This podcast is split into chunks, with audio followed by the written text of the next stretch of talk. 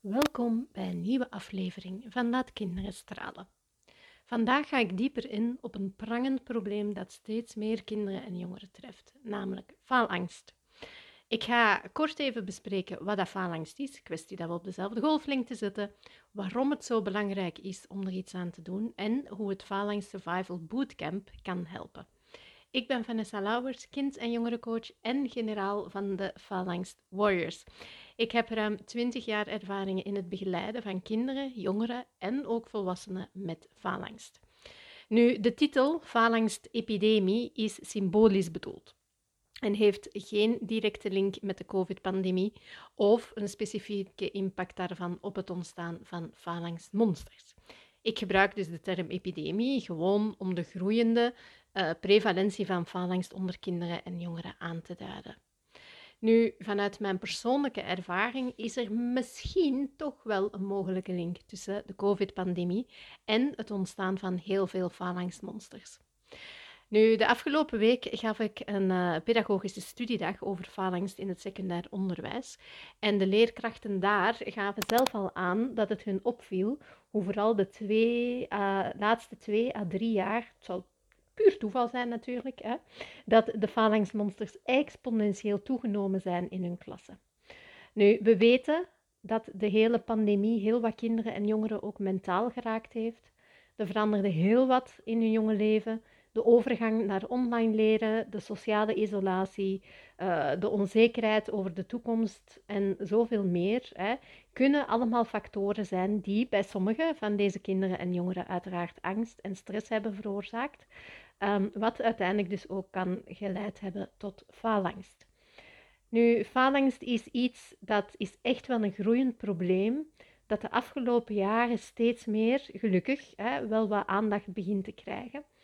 Um, er zijn helaas geen exacte cijfers beschikbaar voor het aantal leerlingen met faalangst in België of Nederland, omdat faalangst vaak uh, niet altijd wordt vastgesteld en ook kan variëren in de mate waarin dat um, ja, dat het kind of de jongere het ervaart, uiteraard.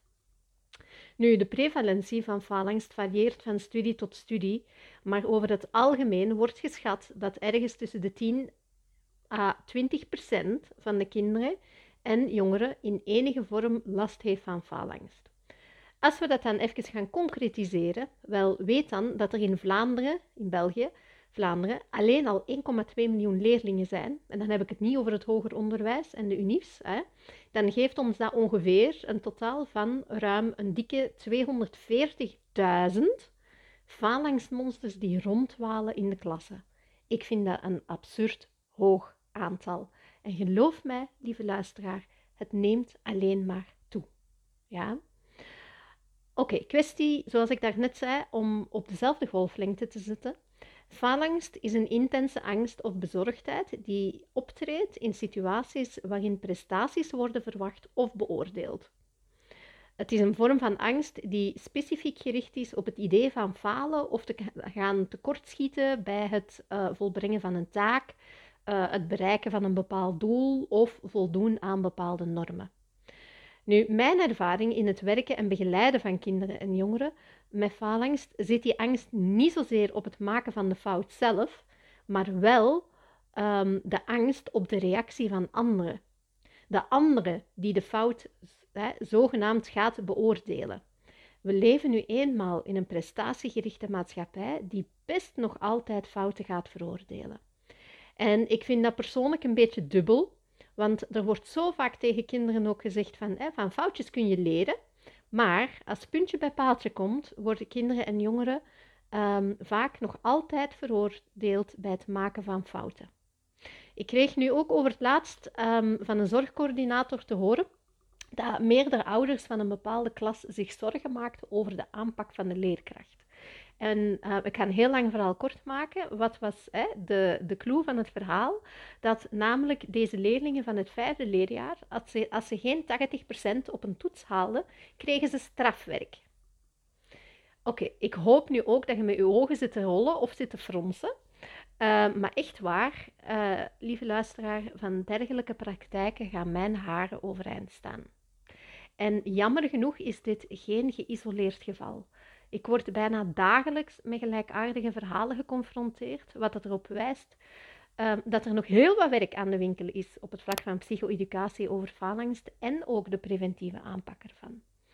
Nu, faalangst kan zich manifesteren op verschillende gebieden van het leven, zoals school, sport, uh, sociale situaties. Um, en uiteraard heeft dat invloed op mensen van alle leeftijden, van kinderen tot volwassenen. Faalangst heeft te maken met een manier van denken, zo zeg ik het vaak. Um, is verbonden um, met negatieve gedachten en overtuigingen.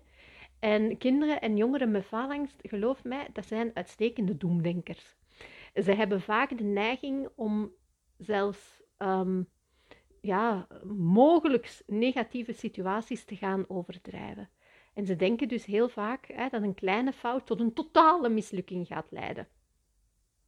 Dus ja, de afgelopen jaren is er toch wel hè, een opvallende toename geweest in het aantal um, phalanxmonsters hè, bij kinderen en jongeren, uiteraard. En um, ja, die stijging kunnen we ook toeschrijven aan een aantal andere factoren of zelfs maatschappelijke trends, zoals onder meer prestatiedruk. Ja.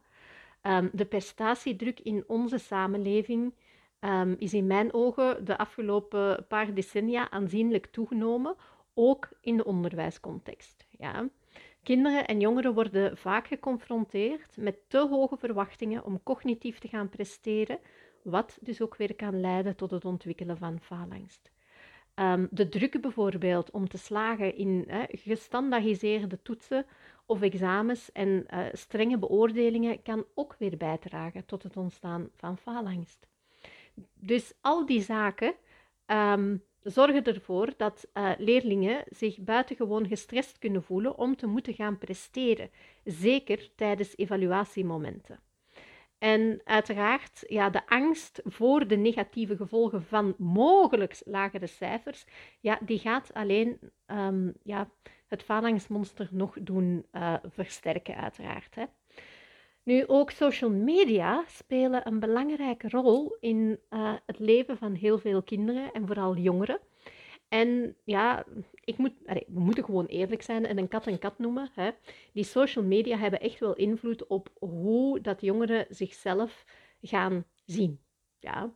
Op platformen zoals Instagram en Facebook hè, worden vaak de perfecte, tussen aanhalingstekens, hè, levens en prestaties getoond, wat dat soms kan leiden tot vergelijkingsgedrag. Ja. De jongeren gaan zichzelf beginnen uh, vergelijken met schijnbaar succesvolle anderen.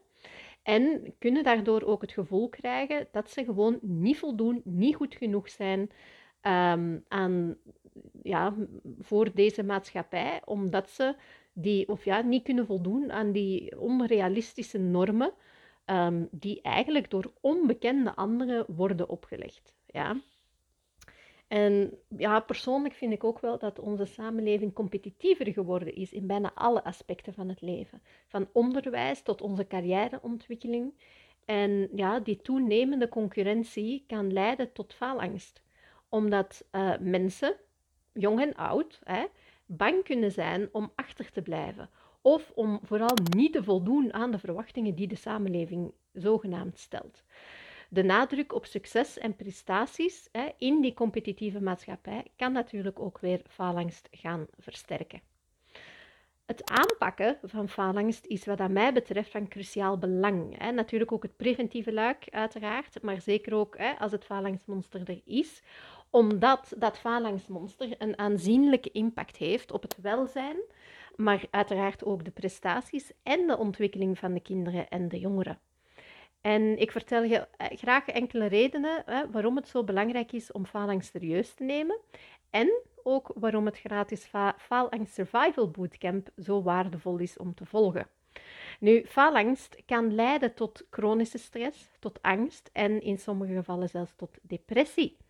Het kan dagelijks, um, of het gaat dagelijks, hè, um, het leven van de kinderen en jongeren beïnvloeden en ja, heeft eigenlijk een negatieve impact op hun welzijn. En ja, dus het mentale welzijn van de kinderen en jongeren leidt, hè, en dit met de lange ei, lieve luisteraar, er echt wel onder. Ehm, voor studenten, ook in het hoger onderwijs, want dat wordt soms wel eens vergeten, ook daar zitten faalangstmonsters. Ja? Um, gaat uiteraard ook kinderen, jongeren, uh, leerlingen, studenten hun schoolprestaties mogelijk ook gaan belemmeren. En dat kan dan weer leiden tot bijvoorbeeld uitstelgedrag of vermijdingsgedrag, zoals bijvoorbeeld het overslaan van lessen, het uh, niet deelnemen aan examens, want zoals ik daarnet zei, hè, ook in het hoger onderwijs zitten heel wat falingsmonsters, die het leerproces van de kinderen gaat belemmeren. Um, faalangst kan verder ook trouwens hè, um, het zelfvertrouwen ernstig aantasten en leiden tot een laag zelfbeeld. Het gaat dus ook kinderen en jongeren ervan weerhouden hun volledige potentieel te gaan um, ontwikkelen en te benutten. Dus het falangsmonster, geloof mij, heeft echt wel invloed op de kwaliteit van iemands leven, waardoor het kind of de jongere beperkt wordt in diens activiteiten en relaties bijvoorbeeld met klasgenoten. De Phalanx Survival Bootcamp is er voor ouders en professionals. Ja? Zie het als een unieke kans om specifieke vaardigheden en inzichten te verwerven om kinderen en jongeren effectiever te gaan begeleiden bij het omgaan met faalangst. De nadruk in de bootcamp um, ligt op het verwerven van kennis en tools om kinderen en jongeren te begeleiden bij het begrijpen en beheersen van hun faalangstmonster. Bovendien leg ik tijdens de bootcamp ook de link met Successia. Uh, Successia is een land dat ik gecreëerd heb, waar dat uh, Phalanx Warriors onder andere worden opgeleid. Um, maar de bootcamp is eigenlijk slechts maar het begin van een uh, grotere avontuurlijke reis. Ja? Nu, tijdens de bootcamp, die trouwens helemaal gratis is, ja, krijg je de kans om deel uit te maken van, dus zeg maar, hè, de bootcamp is eigenlijk een soort van mini-training. Um, die start op de trainingsplaats van de Phalanx binnen Successia. Waar dat je dus dieper kunt duiken in het begrijpen en bestrijden van phalanxmonsters. Kortom, de bootcamp is een waardevolle en educatieve ervaring. En zoals ik zei, helemaal gratis. Dus Laten we samenwerken om de faalangstepidemie aan te pakken. Als ouder, als onderwijsprofessional of gewoon als iemand die geeft om de toekomst van onze jeugd, kun jij het verschil maken. Doe dus mee aan de gratis Phalanx Survival Bootcamp en laat ons samenwerken aan een wereld waarin phalanxmonsters geen belemmering meer vormen voor succes. Meer informatie en inschrijven doe je via de website www.zonnekind.com schuine streep, phalanx streepje, survival streepje, bootcamp. En dat was het voor deze aflevering. Bedankt voor het luisteren naar Laat Kinderen Stralen en graag tot een volgende keer.